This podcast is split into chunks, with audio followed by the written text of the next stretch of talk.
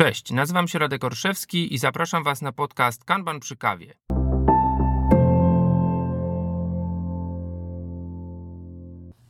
Witam Was bardzo serdecznie w kolejnym odcinku podcastu Kanban przy kawie. Zgodnie z obietnicą wracam jeszcze w styczniu. Ten odcinek powstaje w styczniu 2021 E, z odcinkiem trochę nietypowym, ale takim przewidywalnym. Zgodnie z naszym cyklem wydawniczym można byłoby się dzisiaj spodziewać wywiadu i taki wywiad będzie. Będzie wywiad anglojęzyczny, zapewne domyślacie się, bo widzieliście okładkę tego odcinka podcastu. E, mój gość Troy McGinnis to jest e, no, gość znany, powiedziałbym, od dekady albo więcej, więcej, ze świadka takiego nazywanego Lean Agile, a więc połączenia jednego z drugim, e, jeśli chodzi o podejście szczupłe i podejście zwinne. Osobiście do jego pracy wielokrotnie wcześniej już się odwoływałem, jeżeli chodzi o podejście e, oparte o prognozowanie statystyczne. Tro jest e, autorem bardzo wielu narzędzi z tego obszaru, ale rozmowa dzisiaj z nim będzie o, no właśnie, o tak zwanych blokerach. E, blokery to oczywiście jest taka kalka z języka angielskiego, a więc e, no, jakieś e, wydarzenia, zaraz sobie o nich powiemy szerzej, może brak wydarzeń, o tym też powiemy, które powodują, że nasza praca się zatrzymuje, które powodują, że mówimy o tym albo ja jestem zablokowany, albo ten element pracy jest zablokowany, no właśnie, czy jesteśmy w ogóle świadomi w naszych organizacjach, w naszych zespołach, w naszej własnej pracy e, na temat tego, co to oznacza, że, mm, że, że zadanie jest zablokowane. Jak, niemniej chciałbym, żebyśmy, y, zanim ja się rozpowiem na ten temat w języku polskim, posłuchali trochę rozmowy z Trojem. E, rozmowa z Trojem jest, y, powiedziałbym, szalenie istotna, dlatego że mm, dosyć odwraca optykę. To znaczy, lubimy być zajęci i lubimy raportować tą zajętość. To jest zdanie, które pewnie nie pierwszy raz słyszycie ode mnie, jeśli jesteście stałymi słuchaczami tego podcastu.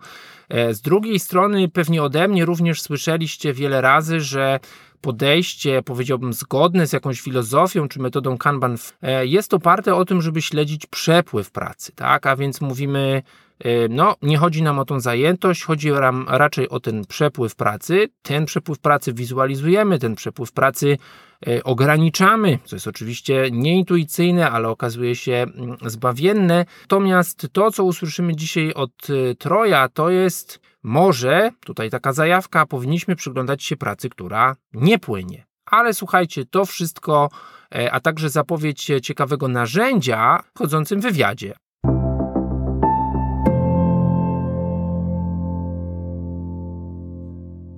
Welcome, everyone. I'm happy to uh, have a special guest today. My guest today is a person who's, uh, I would say, famous in the community for many, many years. Yeah, related to topics of uh, dependencies, of forecasting. I believe I'm not, I may not be the, the only person uh, who knows you through your amazing Excel files, which help uh, forecast uh, a lot of interesting things for organizations but that's not uh, that's not uh, everything uh, what you specialize in. Um, so today my guest is Troy Magennis. That's the right pronunciation, right? It's not G. That'll work. That'll okay. work. okay, Troy. Um, I was trying to find the right date when I discovered your work, and and actually that's like 2011. That's uh, oh my, that's like my older. We're dating ourselves yeah. now. We're getting carbon exactly that was when I was, uh, I would say, discovering wonders of uh, statistical forecasting and Kanban land and whatnot. Uh, Monte Carlo simulations and, and, and, stuff like that. If, if you don't know Troy, I recommend everyone Google for uh, for his speeches. Uh, enough of me talking. So Troy, if I would ask you to introduce yourself to our audience, what do you say? uh, the, the the parent question what do you do with your life yeah uh, I, I've just been in software since the 80s, 1980s, mm-hmm. and uh, yeah, I've come up sort of through that world. And um, I ended up being one of the few executives which had any understanding of math uh-huh. and uh, and statistics. So uh, so yeah, so I've sort of played every role in the in the software world, and now I sort of settled on helping people make better decisions with data, and that sort of ends up encompassing the forecasting, and ends mm-hmm. up encompassing, uh, you know, using metrics in in better ways to uncover problems and so forth. So, you know, I guess when my mother did ask me what I did, I sort of said, I teach mathematics to executives. How I say it, and uh, and try to make them sort of realize that there's a lot more data that they could be using to make better decisions should they care. Mm-hmm. Okay, sounds like very much needed work in this world. I would say. Uh, we hear that many organizations are data driven and whatnot, right? But when we uh, look at people's hands, I mean, the decision makers, it doesn't always look this way. But I invited you to our podcast because I wanted to talk about the topic which I guess uh, pops up in every software team, in every software organization, but not only software, all knowledge work organizations, right? If you are in a, in a fa- on a factory floor, you can easily see that the, the, the conveyor belt is not moving, that the blo- that the work is blocked, right? But in our knowledge uh, domain, it's not so easy, and blockers are something what I would say is frustrating a lot of people, right? Is is is making life harder. And I keep hearing like, how do we deal with, deal with the blockers? And and i'd say like it's it's fair to say that before we jump to conclusion how do we deal with the blockers? Why do you think there's so many blockers? And are there any patterns? Are there any common categories of, of blockers in in knowledge or it organizations? Oh great question isn't it? And i think adam Yuret sums it up best when he sort of says that if you're building cars and there's a problem or a blocker about installing transmissions they start to stack up and somebody mm-hmm. trips over them and then they realize oh there's a constraint or a blocker putting in transmissions. Whereas we're not quite that. Our constraints and the uh, the queue that forms before a constraint are a bit harder to see. Mm-hmm. So I, I, guess there's a couple of things. I mean, just defining them in general, uh, blockers or dependencies are really the same thing to me. They're the inability to start something or the inability to finish something because uh-huh. you're waiting for something else. So it's just often a um, an imbalance between uh, what someone can do or needs to do next and whether they're inhibited from doing that for some reason. And are there patterns to it? Well, I, I, think there are. And I one of the things which differentiates us from, I think, the factory floor is that I think our dependencies constraints move around. Every time we choose a different set of work or we implement a different mm-hmm. framework or we uh, prioritize one customer's demand over another customer's demand, we often shift the shift those constraints around, those blockers around. So one of the things that interests me is trying to help people understand that blockers come and go. And sometimes, and I think Deming did this even in the factory setting. He said sometimes it's better just to wait, just to, don't jump in and try and fix something until it's a problem because you'll just keep sort of uh, you'll just make it worse. So the patterns I see with blockers when I see people trying to manage them is they try and drive them to zero, and that's not mm-hmm. possible, or certainly not cost effective. And then you fix that set and a new set emerge. So for us, I think what we've got to do is find a way to um, make our systems more resilient against blockers mm-hmm. rather than trying to eliminate them.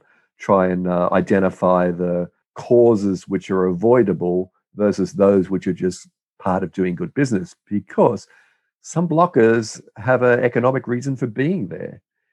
Sometimes we want to do some work uh, ahead of other work, and we'll block that work so that we can do that. And why it actually impacts flow and causes pain overall economically, it's a good decision to uh, to prioritize some work.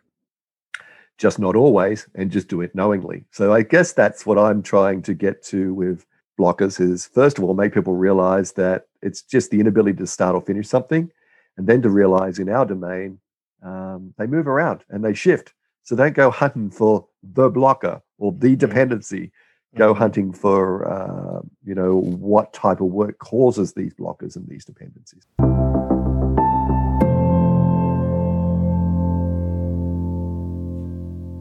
Tradycyjnie też krótki przerywnik, e, a więc e, troszkę informacji o tym, co się dzieje w, e, no właśnie, i u mnie, i, i z podcastem. Przypominam, podcast od niedawna dostępny jest w aplikacji Empik Go. Tam też możecie go wysłuchać, możecie go ocenić. Nadal możecie zostać patronami tego podcastu przy pomocy portalu patronite.pl ukośnik kanban. E, dołączył do nas ostatnio kolejny mm, patron. Wielkie dzięki za to, e, za to, Pawle. Co jeszcze? Parę osób się zgłasza do mnie z takimi pytaniami. Radeka, właściwie czego jeszcze można byłoby się u Ciebie nauczyć? Chcę zapowiedzieć, że ten rok 2021 będzie rokiem nowych szkoleń i będą to zarówno obszary dotyczące właśnie metody Kanban, jak i e, czegoś zupełnie, zupełnie innego.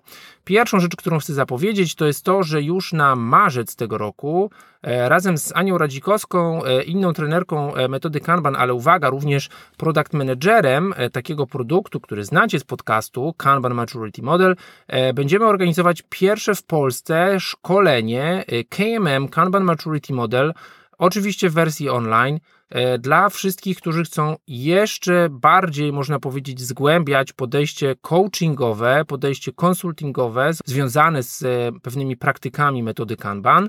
To szkolenie jako pierwsi, jedyni w Polsce przeprowadzimy, bo nie, wszyscy trenerzy nawet mają uprawnienia do, do, do, prowadzenia tego i chcemy je przeprowadzić również w języku polskim. Także no, można powiedzieć e, premiera premier.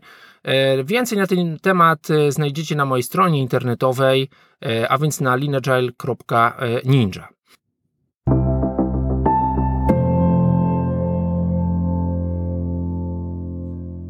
I meet a lot of teams uh, saying, "Well, we have blockers. We are continuously blocked," and I'm asking, "What what blocks you?" Oh, it's the other team, or it's the specialist, or um, yeah, many different reasons, right? And when I ask, okay, could you show me any stats, any data? You know, if if you feel this is a pain not only for you but for the customers, for the products who aren't finished, right, or delivered on time, then how about we we have something, let's just say, at hand, right, like hard data to to prove it to maybe talk to those executives that you mentioned that um, this is it. And I need to say, I've, well, just handful of occasions when people could say yes sure we have it. There's a lot of complaining there's a lot of unhappiness about it but i would say not many places where you can easily say oh we have or, or even we can dig for like retrospectively for for data about it. Do you, do you see also this this happening? Yeah i do. Uh, you know, uh, everyone feels sort of pain in different places, but uh, no one actually takes a holistic view of it. And uh, you know that pain is progress. It's often good. I mean, if we weren't trying to deliver something, we wouldn't even encounter these delays. So these delays are a sign of, of people trying to do work and, and evidence of, of things moving forward. What I find is is that people get sort of lost with their local little constraints mm-hmm. and and they miss the sort of the the bigger picture of how they're constraints. By far, the number one reason that a blocker gets uh, takes weeks to fix versus days to fix is people don't realize they're blocking you. Mm-hmm. It, it, it, purely is. If we are, if we have a good reason for structuring and organizing our teams where there are handoffs, and um, sometimes they're necessary, right? I mean, mm-hmm. uh, you don't always need every skill set. If you were running a hospital emergency room, you don't need every specialist for every bed all of the time. Right. You know, mm-hmm. you have a central. Sometimes equipment mandates that uh, that you have a central spot that people go to get X-rays or MRIs or CT scans. Mm-hmm. We we don't we don't put one of those for each bed. So cost effectiveness sort of sometimes needs that we do have some specialist skills, either based on equipment or years of knowledge and background or security. So you want to compartmentalize what's known. Um, so we really need to find ways of making sure that we use those those resources more effectively. Mm-hmm. So I think that um, whereas the number one reason people don't realizing they're blocking you is the, the cause for lengthy delays. The, uh, they also don't really know and have a global picture about which order they should pick things up to do. Uh-huh. in a hospital setting, we understand that you know if you've got a critical care patient and they're on and they need and they might have to be rushed to surgery, they jump the queue.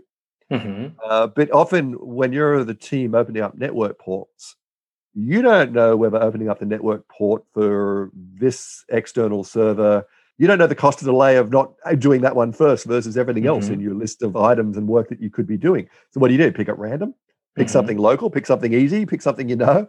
Mm-hmm. So until we can actually help an organization understand a, a, global picture of prioritization, no one would know which order they should unblock work or whether they should mm-hmm. shift their focus from one piece of work to another. So making everyone aware that they're blocking you is probably the number one reason I see. Mhm. But very close behind it is making sure there's some shared view of urgency when Uh-huh. when they do get to make a decision about what they do next. Yeah. And then the third one would be making sure they make those decisions about what to do next as fast as possible. So Mhm. smaller batches. Mhm. Don't go stuffing a year's worth of stuff into the queue and then having something urgent waiting. Mhm. Makes no sense, right? And I think Mhm. that's where agile and lean sort of uh, promoting smaller batches can help. So, yeah, it's. I am not of the camp that thinks that you can reorganize an organization so there are zero dependencies, Mhm. and I'm not of the camp that thinks that's even a cost-effective way of doing it. I'm more about they're going to happen. Let's get better at managing them. Mhm, mhm. Okay.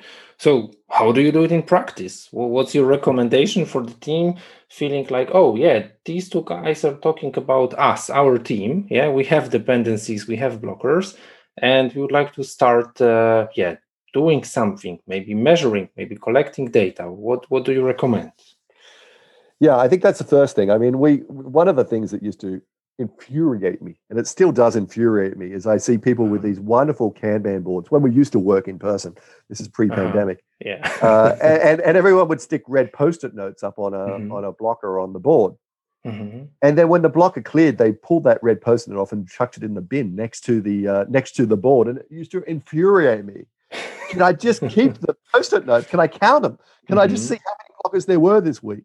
Can I just Mhm. see on what type of work they were on? Could you just write a note about what the cause was, so I could start collecting this data? And that work, um, you know, I also learned from uh, Klaus Leopold. Uh, Mhm. he, him and I did a, a talk, and you know, he was doing it before I was, uh, uh, called blocker clustering, Mhm. where you just keep those red Yeah. sticky notes Yeah. and write on them how long you were blocked. Mhm. Put a little stroke on it every day. It stand up that it was blocked Mhm. and then keep them. And at the end of the week, cluster them somehow, cluster them by root causes or cluster them by the ones that are internal versus external, things Mhm. our team can fix versus things we need help fixing. Mhm. Cluster them and count up the number of strokes, day strokes on them to work out the number of days these things were delayed. Even simple data like that, done for a short period of time, will give you a very good indication of where your solvable blockers and dependencies are. Mhm. And don't go after every single one of them. Just go after those really big, impactful clusters, Uh-huh. the ones that you can do something about, and solve them. Uh, Mhm. make it sort of say that for the month of January, one item per on the board has to be about removing and solving a root cause of a blocker or dependency. Don't Mhm. go all out. Don't take every bit of capacity. Mhm. Just progressively find your most impactful reasons work gets blocked and stalled and fix the ones you can. Uh-huh. Uh, and it's the data you need. You already have. You're just throwing it away. Mhm. And that's what that's what frustrates me. True, true.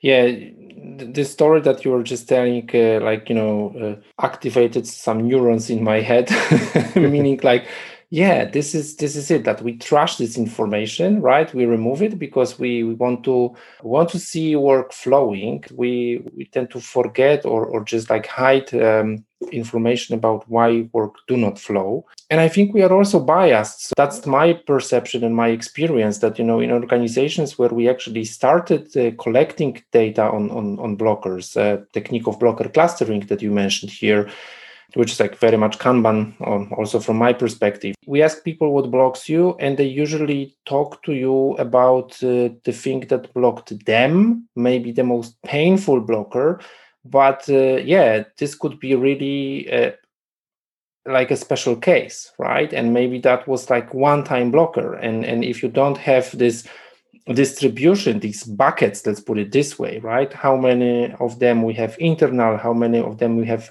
external to our team or external to our organization. Without it we, we cannot really say if we just just attack one single case or the cluster that you're saying is uh, a within our control and and and first of all maybe the most impactful uh, in, in terms of like the, the sum of, of waste or, or waiting uh, caused by that. Of course, I know that uh, many people ask me then, oh, how do I do it? How do I do it in Jira? Yeah, like let's put it this way. I know that different organizations, of course, are trying to deal with it, but uh, yeah, from your observations, what what teams, what organizations can do about it. So let's just say we have a data collected from a month, maybe a quarter, and and what what next? Yeah, so I think you're right. I mean, we're we it's now more important than ever because now we're moving to more remote workforces. Mm. Um, people on the teams, team members, can be blocked individually and not raise their hand straight away. You know, uh-huh. they're gonna they're gonna struggle to work it out. So I think even the character of the blockers at a team level change when we work remote versus in person, mm, where we could mm-hmm. roll our chair around mm-hmm. and we could get up and oh. wander across and ask yeah. Uh, Joanne how to do something. We mm-hmm. can't do that as easily anymore. And, you know, we're a bit desensitized to Slack messages. oh, yes. God, they have a mute function, right? So, so, uh, you know, um, right now, uh, you know, there are two sets of data and, and things that we need to do. We need to support the people we have to make sure that uh, we give them ways to raise their hand about I need help or I could use five minutes of your time to get past this problem. Mm-hmm. Um, and then so there's going to be a set of blockers now which are about um, reinforcing communication to make sure that we don't have a 24 hour delay between now and next stand up uh, of I'm stuck. Mm-hmm. And it would, it would be a really simple thing for you to get me unstuck. And then there's the organizational side now where everyone feels they're in their own little isolated world. So coordinating how you utilize those um, shared resources and and those those constrained constrained resources and skill sets uh, are, are uh, become vitally important. Um, and you know, just I think just like we tried to do with the Kanban days, is your first thing is to make that data visible. Mm-hmm. Uh, why it's sort of, um, I mean, it's ludicrous, right? I mean, we we know that in our in the software world that process efficiency is around about fifteen percent yeah. max. Hands-on mm-hmm. time is fifteen percent, and all of our tools like Jira do a great job of managing the hands-on time. Mm-hmm. What about that other 85% of the time where the work is sitting idle? Is is anyone looking at that? you know, mm-hmm. is the right work sitting idle? Um, mm-hmm. Um, so that's I think we need to start visualizing work not moving rather than visualizing the status of work moving. Mm-hmm. Um, and so uh, once you start getting those uh, visualization of it, which you know, like even if now when people get blocked, they send an email to another team. You know, we mm-hmm. need this mm-hmm. port opened, or we open a ticket on Jira if they use the same system as we do. And a lot of these teams don't use the same tool between mm-hmm well imagine you're blocked on hr about hiring i need this i need this hire contract to come through to hire this person for this new staff member or sometimes you need someone to sign off on the uh, disclaimer message on the mm-hmm. checkout screen which is the legal team do your lawyers use jira bet they don't mm-hmm. do hr use jira bet mm-hmm. they don't quite often those big delays have nothing to do with the work items themselves they're to do with how we coordinate the workers around uh-huh. and get approval processes with it. So even if we were to say Jira is the source of truth for our blocker data, we would have a, a very imperfect view mm-hmm. of that that last sort of mile, what happens before it hits dev and what happens after it hits dev uh, into production.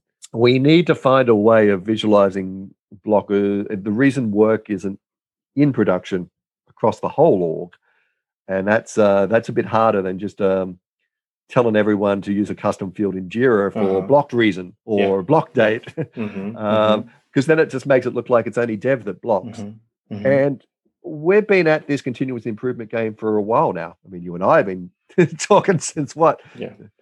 a decade on this, mm-hmm. right? So if there was really easy low hanging fruit on the dev side, we'd have solved it by now.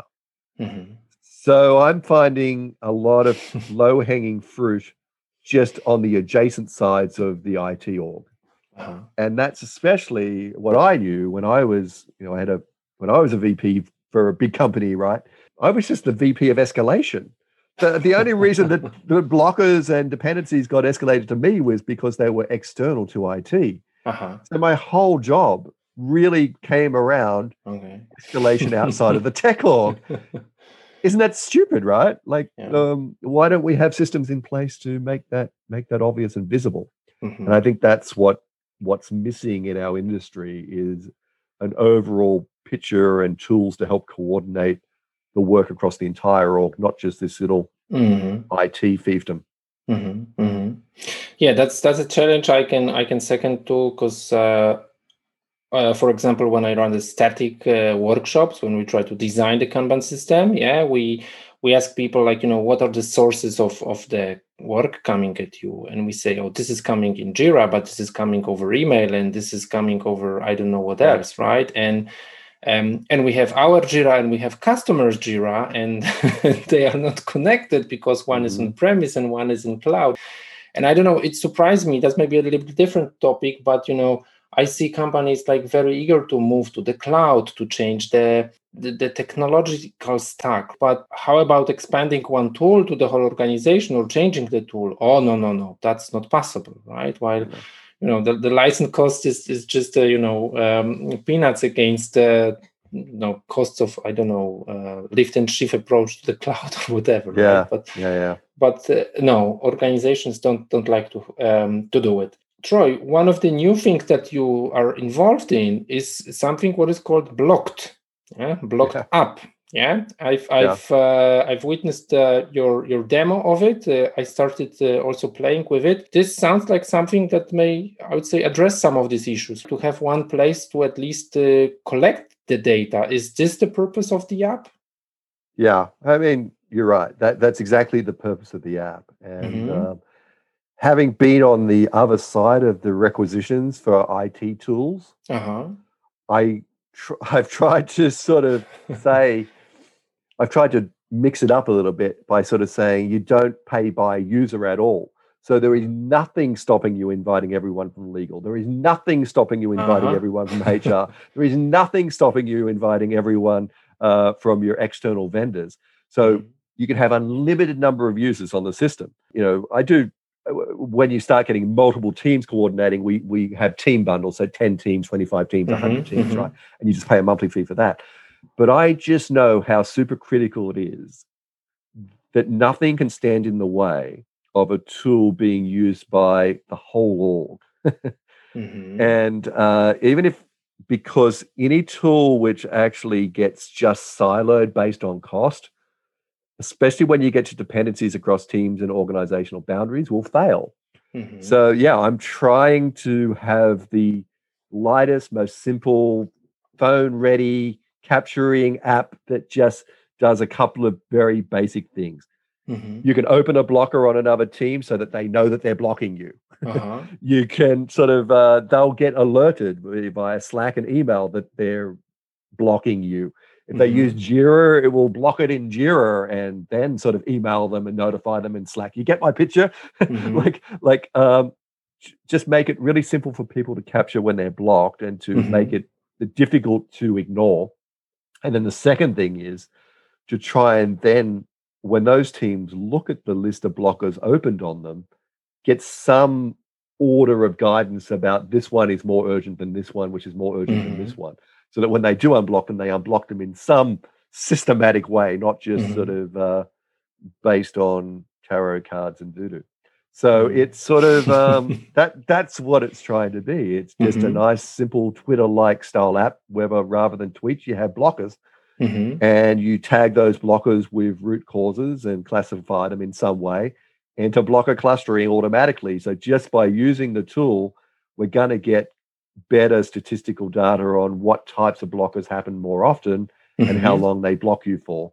Mm-hmm. So that's what I tried to do with Blocked App, and I made it completely free for a team level because I think that you should start there. Uh-huh. Get get your team house in order for blockers and understand the causes you can solve internally.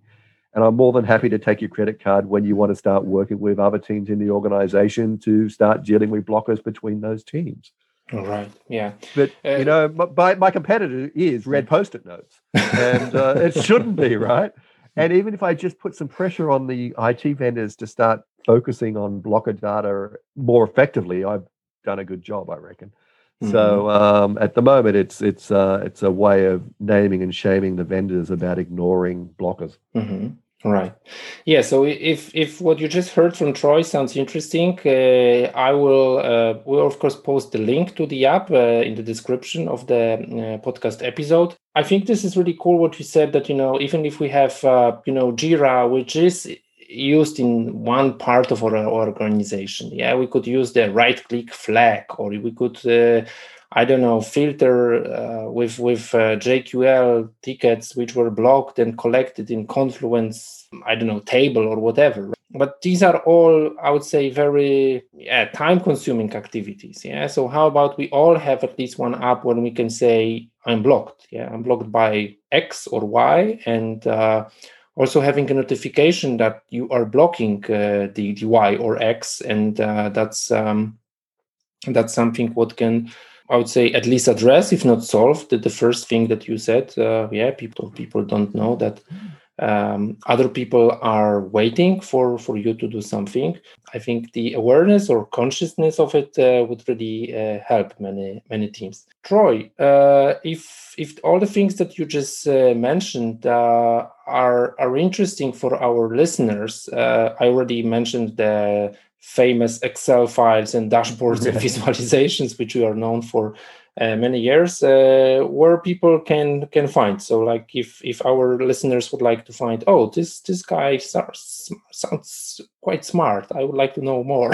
yeah, reserve judgment there. Um, yeah, uh, uh, focusedobjective.com.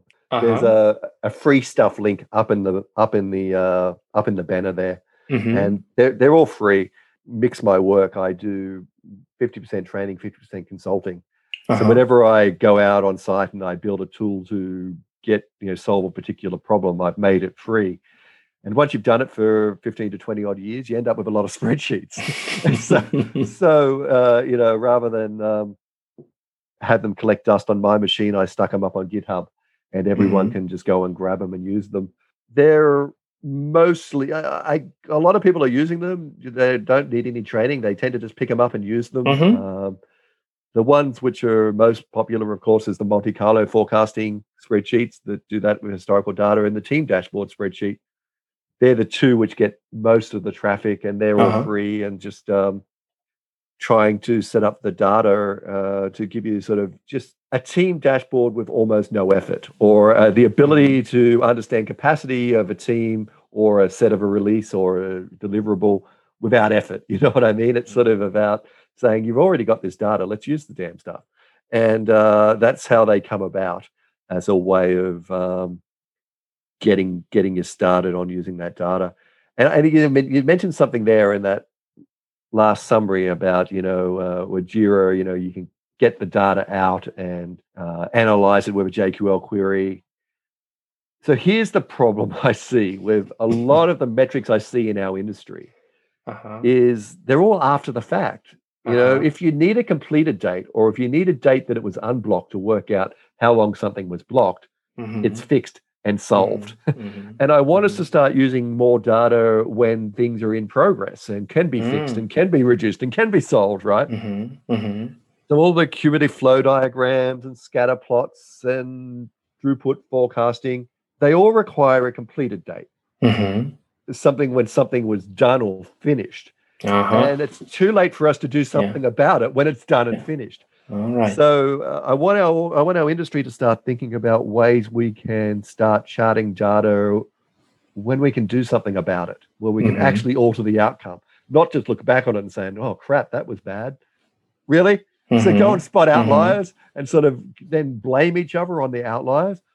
Why not avoid those outliers by dealing with the uh, those atypical issues earlier? Mm-hmm. Um, so I um, I've been spending a lot of time, and you know, blocked is one manifestation of that, of sort of saying, rather than just complaining about long lead times, what can I do about reducing it?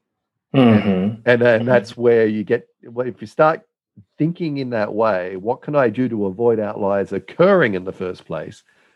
Um, you'll start managing your Kanban systems and your Scrum systems and your SAFe systems in mm-hmm. a very mm-hmm. different way because you'll be looking at um, well, this is unusual. And that's your cue. That this is unusual. You know, normally opening a port takes a day. Why is this taking uh-huh. a month? And uh, and then that's because oh crap, we forgot. Sorry, my bad. Mhm, I thought I opened that up, and I didn't. I didn't check Mhm. in the GitHub code or something, right?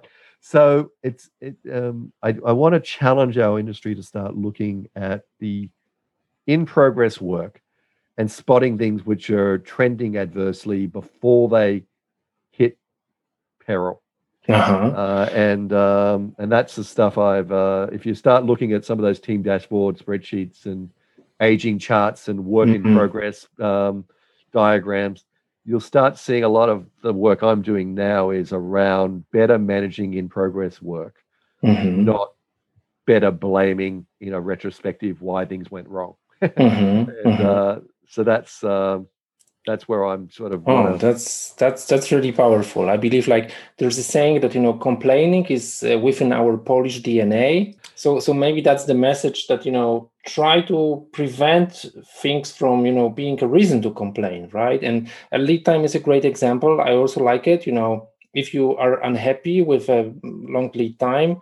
Uh, why don't you do anything with the WIP age, right? The WIP age in the end becomes the lead time, right? So Yeah, that's right. It's, it's, it's certainly telling you that if you don't do anything, this is going to get worse. it's it's not out of nowhere right that that it uh, collected so many days on it so still i would say we, we started with your mission to to educate people i believe yeah uh, that's that's another example right like uh, highlight what what people can do in their daily work um, in, instead of just retrospectively look at uh, things where you cannot travel back in time so you won't fix it yeah yeah.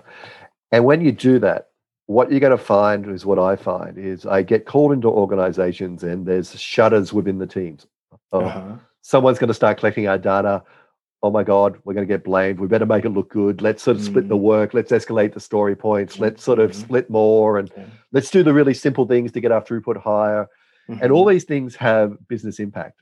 Mhm. and um, we've we cause it. We cause it by um, whenever we put a chart or we manage or we capture data when we show it, we cause anxiety inside an organization.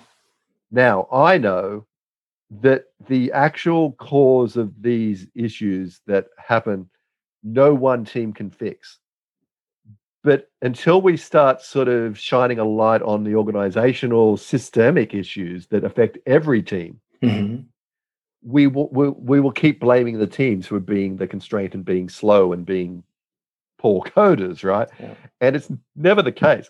So when you start using sort of any blocker tracking, the thing you will find very early on is just how many of those issues cannot be fixed by the teams Uh-huh. that require escalation to the Yeah. VP level or email outside of the organization, right?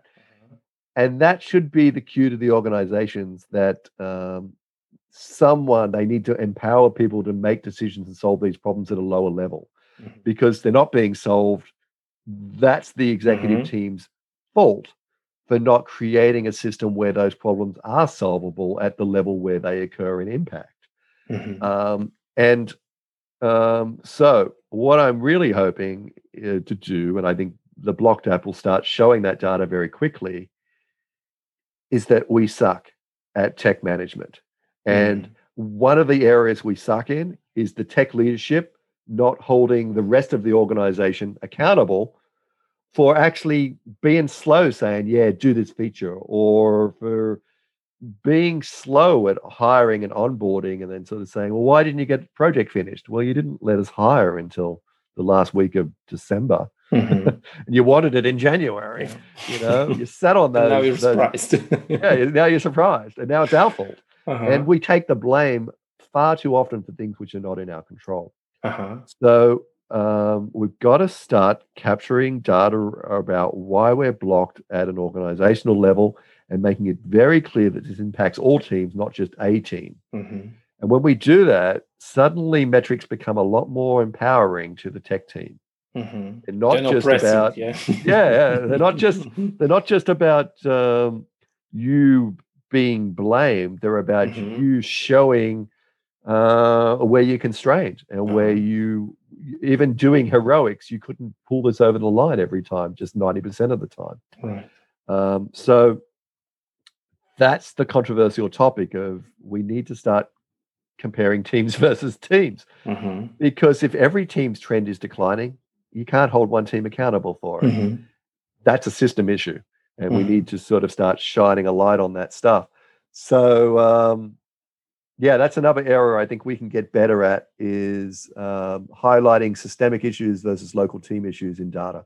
Mhm. And um, to do that, we need to start collecting data across multiple teams, Yeah. throw away the values, and just keep the trend lines. Mhm. And if everyone's trend line is declining on a certain area, that's that's a system issue that you got to Yeah, solve. It tells So you it's- something. Mhm. It tells you something. So um, Yeah. let's get on with it. Ca- start Yeah. capturing simple data. So that's what the team dashboard spreadsheet does. Is it helps you start capturing that data and helps you focus on the trend lines rather than the data. Mhm. Yeah. Yeah, another powerful thing that we we try to solve these local um, bottlenecks, right? But uh, we very often are facing the systemic issues. But yeah, without collecting very basic data, we we cannot prove it. It's just our opinion, right? There's a saying that We're just complaining again. We're, exactly. we're just being Polish. Yeah, yeah. Oh my, uh, Troy! Thank you very much for this conversation. I I believe like lots of topics uh, that we just discovered, uh, our listeners will find uh, inspiring. Troy, thank you very much. And listen, thank you. Thanks for inviting me.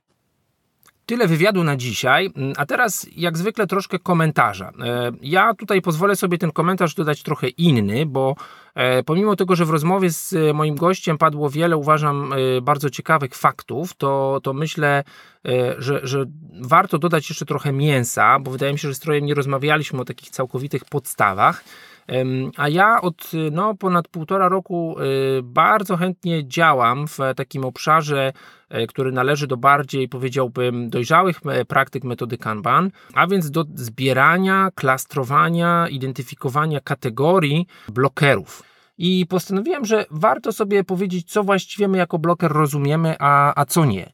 Y, Gdybym miał stworzyć taką e, ogólną, można powiedzieć, definicję, czym jest bloker, to powiedziałbym, no pewnie jest to jakiś niepożądany przestój e, w przepływie pracy, a więc e, jakieś zadanie albo mm, nie rozpoczyna się nad nim praca, albo ulega zablokowaniu w trakcie tej pracy, Mm, być może ono ulega właśnie zablokowaniu po wykonaniu, a przed tą fazą dostarczenia do klienta. Niemniej ono u tego klienta nie jest, e, no najgorzej jeśli jest już tą pracą w toku i rzeczywiście na którymś z tych etapów się zatrzymuje. Mówię tu oczywiście z perspektywy zadania, ponieważ e, no, zwykle o tym, że zadanie jest zablokowane, e, mówi nam jednak człowiek e, i to bardzo często będziemy słyszeć jestem zablokowany, tak, jestem zablokowana, Mm, a więc tak na dobrą sprawę ludzie, którzy będą pracowali nad tymi zadaniami, będą brali to można powiedzieć do siebie. No, jakie mogą być ku temu przyczyny? Y, oczywiste, pewnie, pewnie jak będę to mówił, to powiecie żadna nowość, y, ale przejdźmy sobie przez to. Y, No, bardzo często brakuje nam pewnej informacji. Zakładamy, że mimo iż pracujemy dobrze w e, oparciu o jakieś e, fajne, pożyteczne praktyki e, budowania wymagań e, biznesowych, czy ich opisywania, no to okazuje się, że nie wszystko zostało tam bardzo szczegółowo wyspecyfikowane. Tu pewnie głos rozsądku jest taki, że może nie powinno być zbyt dużym wyprzedzeniem. Niemniej trafiamy na taki moment, w którym albo nie wiemy, i- bo, bo nam czegoś brakuje, albo nie wiemy, jak to zinterpretować. E, No i niestety musimy o tą wiadomość, e, o tą informację gdzieś e, zapytać, tak? To bardzo często nie jest tak, że znajdziemy tą odpowiedź natychmiast, być może nawet ci, których o to pytamy, nie wiedzą natychmiast. No i to oczywiście powoduje, że to zadanie rzeczywiście ulega takiemu zablokowaniu. Mamy inne kategorie blokerów, takie kategorie, które powiedziałbym związane są, można bardziej powiedzieć, no tutaj będę się nawią- będę nawiązywał do, do branży IT, ale nie tylko, no można powiedzieć z tym, jak wykonujemy tą pracę. Czasami będziemy mieli problem z dostępem do jakiegoś narzędzia, czasami będziemy mieli problem z dostępem do jakiegoś systemu, tak? Jeśli pracujemy na przykład albo zdalnie, y, co dzisiaj jest pewnie normą, ale też pracujemy z jednej organizacji na rzecz drugiej, to nie mamy pełni uprawnień do tego, żeby e, dostać się do jakiejś informacji, do jakiegoś systemu, do jakiegoś e, e, za pomocą jakiegoś VPN-u, czy za pomocą jakiegoś firewalla, tak? A więc te, te wszystkie rzeczy związane z jakby zarządzaniem informacją. No i tutaj można powiedzieć, mamy informacje, mamy zasoby, chcielibyśmy się tym zająć, ale no rzeczywiście gdzieś tam e, ten przepływ informacji, dostęp e, powoduje, że to zadanie mm, i my w pracy nad nim też jesteśmy e, zablokowani. Gorzej właśnie, kiedy wychodzimy już poza, powiedziałbym, obręb naszego zespołu, poza obręb naszej organizacji, no bo bardzo często to będzie tak, że będziemy też e, pracować na styku, mm, można powiedzieć, łączenia różnych bytów, e, różnych platform, różnych systemów E, i nawet nie musi być to nasz klient, ale wręcz zewnętrzny byt, czasami to jest e, nawet konkurent, czasami jest to po prostu wielki gracz biznesowy, tak, e, jeśli rozwijamy aplikację mobilną, to czasami, nie wiem, jakaś informacja, jakiś approval mogą, mogą być w rękach no tak olbrzymich graczy jak Apple czy Google, no i właściwie tutaj no, nie mamy zbyt wiele, powiedziałbym, siły sprawczej, poza oczywiście jakimś monitorowaniem, dopytywaniem, to już zależy od naszej relacji z kimś takim. Także że tych, tych przyczyn, dla których zadanie może być zablokowane, jest, jest całkiem sporo. Ale są też przyczyny, które powiedziałbym y, nie zawsze są tak postrzegane. Przechodzimy teraz pomału do takich, powiedziałbym, miękkich, ale nadal bolesnych blokerów, mm, a więc takie rzeczy jak kompetencje. Y, być może samo zadanie y, rzeczywiście jest dobrze wyspecyfikowane i nie jest problemem nasz dostęp. Problemem może być e, nasz brak wiedzy, e, brak e, może doświadczenia z danym systemem lub po prostu, no najprościej mówiąc, brak kompetencji. Być może potrzebujemy zaczekać na czyjąś pomoc, albo kolegi, koleżanki z naszego zespołu czy firmy, albo kogoś z zewnątrz. No i tutaj rzeczywiście może to nie jest tak oczywiste, bo powiedziałbym często takie zadania nie są natychmiast komunikowane jako blokery. Te zadania są, e, można powiedzieć, e, no, na początku traktowane jako takie no, spowalniające zadanie. Może spróbuję jeszcze tego, może poczytam tam na Stack Overflow, co by tutaj można było, e, że tak powiem, spróbować, tak? I jakby to nie jest tak, że, że trafiamy na, na, na mur, i od razu wiemy, że jesteśmy zablokowani, po prostu spowalniamy się w tej pracy, aż y, rzeczywiście kilka kolejnych prób, e, no, nieudanych, zakładam, doprowadza do tego, że taką rzecz nazwiemy mm, zablokowaną.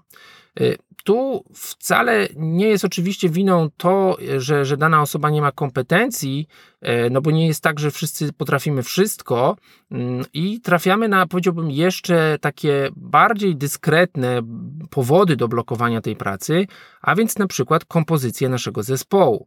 E, być może jest tak, że w naszym zespole istnieje, no, można powiedzieć, niezdrowa nierównowaga pomiędzy na przykład osobami, które się zajmują jedną technologią, a drugą, frontendem, backendem, nie wiem, programistami, a testerami, tak, e, przeróżne tego typu układy, które powodują, że nawet jeśli zadanie zostanie, można powiedzieć, przepracowane przez pierwszą, drugą osobę, e, a więc na przykład rzeczywiście sam kod aplikacji zostanie napisany, no to to zadanie będzie oczekiwało na testy, ponieważ y, testerzy, osoby zajmujące się testowaniem y, będą y, no, wąskim gardłem, przed nimi ta praca będzie się kolejkować.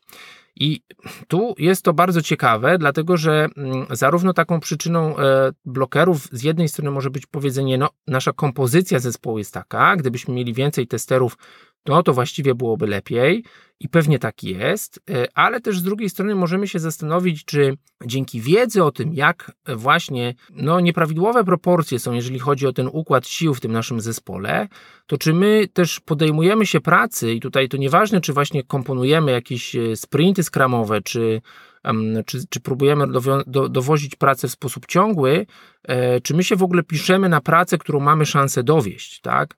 A więc być może no, kompozycja pracy, którą sobie dobieramy, względem której e, nawet się zobowiązujemy, e, jest rzeczywiście w ogóle wykonalna, biorąc pod uwagę, na jakie blokery możemy na, natrafić systemowo w, naszym, w naszej organizacji. W większych organizacjach pojawi się jeszcze jeden problem, a więc zależność pomiędzy zespołami. Mm, wydaje się, że nawet w dużych organizacjach, które działają zgodnie z jakimiś frameworkami typu LESS czy SAFE, e, zawsze będą pojawiały się takie momenty, kiedy pojedynczy zespół nie będzie w zupełności niezależny, czy to pod kątem jakiejś e, wersji kodu, czy to pod kątem jakiegoś środowiska, a tak, żeby no, nie wchodzić sobie w paradę, tak mówiąc kolokwialnie. No i to też może być problem e, problem blokowania, bo będziemy musieli na coś czekać, tak? Na dostępność czegoś, na odzew od kogoś. E, bardzo często, trochę tak jak w tej rozmowie z Trojem, ta druga strona może w ogóle nie wiedzieć, że nas blokuje. Ta druga strona może nie wiedzieć o tym, że to, że nas e, zablokowała, to jest dla nas duży ból, dla nas czy dla naszego zespołu, to jest olbrzymia strata albo opóźnienie. Dochodzę w całym tym, można powiedzieć, szeregu powodów, dla których praca jest zablokowana, również do samych opóźnień, a więc można powiedzieć pewnych oczekiwań. E, no, powiedzieliśmy z jednej strony na samym początku, że tą definicją blokera jest jakby niepożądane mm, wstrzymanie pracy, zablokowanie pracy, ale mam wrażenie, że znów taką nieujawnioną, nieuświadomioną formą blokerów jest w ogóle nadmierne czekanie. E, no, można powiedzieć, jeśli ja skończyłem teraz pracę nad developmentem i ktoś powinien dokonać e, przeglądu mojego kodu, akceptacji, no, pierwsze pytanie, czy naprawdę tak musi być, y, to, to jest może głębsze pytanie, y, powiedziałbym ostatnio sprowokowane na, na pewnym kanale Slacka ACCPL. Y, bardzo ciekawa dyskusja, jeśli tam jesteście, to polecam. No, a druga sprawa jest taka, że w całym tym układzie, kiedy czekamy na kogoś, no to właściwie jak długie czekanie jest akceptowalne, a jak długie czekanie, oczekiwanie jest, staje się tym nieakceptowalnym, tym niepożądanym. No możemy powiedzieć, skończyłeś, nie ma nikogo, kto się może zająć tym następnym, być może przez godzinę lub dwie to nie jest jeszcze problem. Ok, e, rzeczywiście może tak być. Może rzeczywiście większą wartość e, stanowi to, żeby pozostali koledzy czy koleżanki w zespole dokończyli bieżące zadania, zanim, czyli można powiedzieć, dotrzymali swojego osobistego whip limitu, zanim przełączą się na kolejne zadanie, na przykład kontynuację Twojego zadania. Z drugiej strony możemy doprowadzić do takiej sytuacji, w której no, staniemy się troszkę ślepi na to, że to oczekiwanie trwa coraz dłużej i dłużej e, i właściwie może już powinniśmy powiedzieć, hej, to już jest za długo, ta praca dalej nie płynie, może powinniśmy samo to oczekiwanie w kolejce powyżej pewnego czasu, e, powyżej pewnej długości zaklasyfikować jako e, bloker. No i powiem szczerze, że tutaj znów organizacje potrafią być na to bardzo ślepe, bardzo, bardzo mieć to nieuświadomione. Jak wiecie, ja nagrywam podcast w samochodzie, więc tak sobie myślę, czy to nie jest takie martwe pole w lusterku, tak? Że właściwie no, my jedziemy, ktoś obok nas jedzie, w sumie jest wszystko dobrze, ale może gdzieś tam z tyłu e, czai się pewne nieuświadomione niebezpieczeństwo, że no nie możemy wykonać takiego manewru jak zmiana pasa bezpiecznie, czego nie jesteśmy w pełni świadomi. I taka przychodzi mi na myśl konkluzja tego, że warto sobie w ogóle, jeżeli chcemy o blokerach porozmawiać w organizacji, to zacząć właśnie od tego, może jest to pytanie dobre na jakieś retro, co my właściwie postrzegamy jako, e, jako blokery. Jakie jakie elementy muszą wystąpić, jakie warunki muszą wystąpić, żebyśmy nazwali e, jakiś element pracy zablokowanym. Przypomnę, może jest to po prostu niepożądanie długie oczekiwanie. To nie musi być aktywna blokada w takim znaczeniu brak informacji, ale brak też podjęcia tego zadania kontynuacji tego zadania przez kogoś innego. Tu wchodzimy w jeszcze, powiedziałbym, taki metapoziom blokerów, dlatego że pojedyncze zadania być może będą osiągały swoją e, kolumnę done, a więc ten stan, w którym będą kończone. Mm, natomiast nie możemy zapominać o tym, że one często są tylko częściami składowymi. E, i zablokowanie czy spowolnienie pracy nad jednym elementem może spowodować, że no my tutaj będziemy bardzo szczęśliwi, e, ponieważ i frontend, i backend, i w ogóle cały software będzie zrobiony, ale e, żeby wypuścić jakąś funkcjonalność, żeby ją umieścić na rynku, udostępnić klientowi, być może gdzieś będzie w ogóle mm, nieuświadomiony dla nas spowalniacz albo już bloker, w zupełnie innym obszarze mm, organizacji. No, temu powiedziałbym służy oczywiście liczenie tego lead time'u i, i e, wieku pracy w toku e, dla takich e, elementów wyżej poziomowych, całych funkcjonalności, być może inicjatyw, jakichś kampanii, wersji, release'ów, Mm, no bo jeżeli zaczniemy patrzeć z tej strony, to rzeczywiście być może otworzą nam się oczy również na, mm, na takie y, nie, nie, nietrywialne, nieoczywiste rzeczy, które również moglibyśmy nazwać zablokowanymi. Można powiedzieć, jest bardzo dużo tych kategorii blokerów, jest bardzo dużo przyczyn, zarówno wewnątrz zespołu, organizacji, na zewnątrz tej organizacji, które te blokery mogą powodować. Co z tym zrobić?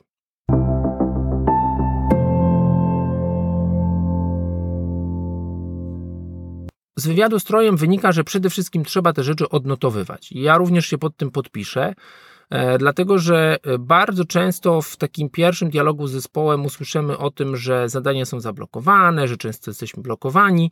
Natomiast w momencie, kiedy chcemy zapytać o to jasne, jak często i na jak długo jesteście zablokowani, które konkretnie zadania, czy jest tu jakiś wzorzec, są blokowane, no to okazuje się, że takiej informacji nie mamy. Ta informacja oczywiście czasami przepada, bo jeśli w ogóle tego nie śledzimy, no to ciężko jest oczywiście taką informację odgrzebać. Mm, czasami daje się, można powiedzieć, szczątkowo, z dużym trudem, z dużym wysiłkiem, nakładem pracy taką informację wygrzebać z jakichś systemów prowadzenia E, projektów, e, czy, czy po prostu śledzenia pracy. Mm, natomiast warto sobie zadać pytanie, czy nie byłoby łatwiej, e, gdybyśmy rzeczywiście na bieżąco byli wyczuleni na te blokery i te blokery rejestrowali. Dokładnie to usłyszeliście w wywiadzie, jeżeli chodzi o aplikację Blocked Up, a więc nowe dzieło mojego gościa. Zwłaszcza, że w tej wersji podstawowej jest to aplikacja chmurowa, jest to aplikacja bezpłatna.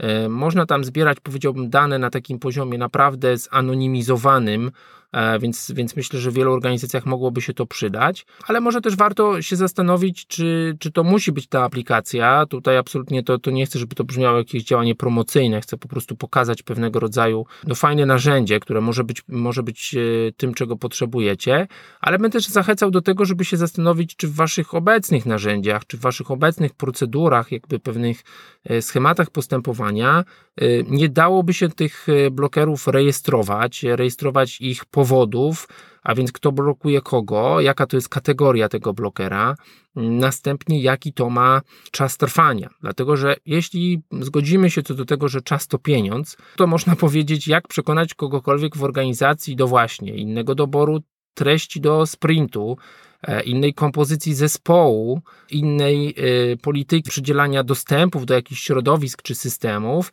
jak nie to, że pokażemy, jak w jakimś okresie, miesiąca, może kwartału, sumarycznie wielkie straty, opóźnienia to powoduje. Nie są straty, które są jakieś urojone, one są jak najbardziej mierzalne. E, możemy sobie policzyć, o ile szybciej jakiś element znalazłby się na produkcji, o ile szybciej byśmy zaczęli zarabiać, o ile szybciej byśmy dostarczyli wartość, albo chociaż uzyskali informację zwrotną. E, no i to jest, powiedziałbym, taki znów po angielsku eye-opener, taki trochę otwieracz oczu e, na te problemy w bardzo, bardzo wielu organizacjach. Mm, musimy te dane zebrać, musimy te dane mieć dostępne, musimy się posiłkować właśnie nie opiniami, a twardymi danymi. I być może okaże się, że te wszystkie problemy, o które dotąd może opowiadaliśmy sobie na nich, o, o nich na retro, Mm, jako no, nieusuwalne, jako systemowe, jako można powiedzieć takie wszyte w to, jak funkcjonujemy. Być może nie wszystkie naraz, tutaj nie, nie chcę obiecywać hura optymistycznych rozwiązań, ale być może niektóre z nich rzeczywiście da się powoli y, systemowo z tego naszego środowiska wyrugować, usunąć, czego Wam wszystkim życzę, dlatego że myślę, że bycie zablokowanym, czy pracowanie nad zadaniem, które ulega zablokowaniu, wszystkim profesjonalistom, a tak y, lubimy się postrzegać, myślę, że przysparza frustracji, tak? Myślę, że no, powoduje, że, że czujemy się bezsilni. To oczywiście nie jest ani motywujące w pracy nad tym zadaniem, ani w e, podejmowaniu następnych. E, ani w, można powiedzieć, uczestniczeniu w tym procesie doskonalenia. Mm, więc y, zapraszam Was wszystkich bardzo serdecznie do tego, żebyście się zastanowili, jakie przede wszystkim sytuacje obecnie w sytuacji w swojej firmie nazywacie blokerami, czy one są rozumiane tak samo przez wszystkich, czy nie jesteśmy tutaj ślepi właśnie na takie, może ja powiedziałbym, dyskretne formy zablokowania czy opóźnienia, na tyle powiedziałbym chorobliwego, że, że już y, takiego, które powinno być rozpoznawane jako, jako blokery. Następnie podzielenie ich na pewne kategorie, na, na zobaczenie relacji, kto kogo rzeczywiście z jaką częstotliwością i długością w organizacji blokuje. Być może podzielenie ich na kilka takich, można powiedzieć, obrazowo wiaderek i próba analizy tej sytuacji y, w jakimś ujęciu dłuższym, niekoniecznie tygodniowym, być może miesięcznym, pewnie najdłużej kwartalnym, y, żeby zobaczyć, jakie trendy, jakie problemy się w kwestii tych blokerów pojawiają. E, jeśli taką praktykę już macie w swojej firmie, w swoim zespole, to proszę podzielcie się. Być może macie jakieś fajne praktyki, jak robić to w innych narzędziach, niekoniecznie z użyciem tego Blocked App, które e, tutaj strojem Wam prze, przedstawiamy. E, no, to może być rzeczywiście ten right click i flaga i komentarz w Jirze, to, to mogą być jakieś inne e, metody, którymi sobie te rzeczy zapisujecie, mm, tak żeby one były potem w jakiś sposób agregowalne i możliwe do poddawania analizie. Jestem ciekaw, czy i jak właśnie tego typu rzeczy robicie. Ojej, dużo treści. Mam wrażenie, że dzisiaj szybko mówię. Tak jak będziecie puszczać podcast na przyspieszonym tempie, to może, yy, może będzie za szybko. Tyle na dziś, moi drodzy. Niedługo kolejny odcinek. Tym razem będzie to odcinek pewnie bardziej autorski. Natomiast w przygotowaniu jest też y, odcinek, powiedziałbym, taki społecznościowy, dlatego że w ramach grupy, którą prowadzę, Lean Coffee Wrocław, zbliża się na początku lutego spotkanie, w którym nagramy sobie E, kilka pytań i odpowiedzi na żywo od e, uczestników tego spotkania i spróbujemy z tego wyedytować e, taki odcinek, w którym no, niech te pytania i odpowiedzi znajdą się dostępne dla szerszego grona, a więc dla wszystkich. Tyle na dziś. Dziękuję Wam bardzo serdecznie. Jak zwykle mówił do Was Radek Orszewski. Pozdrawiam. Dobrego odsłuchu.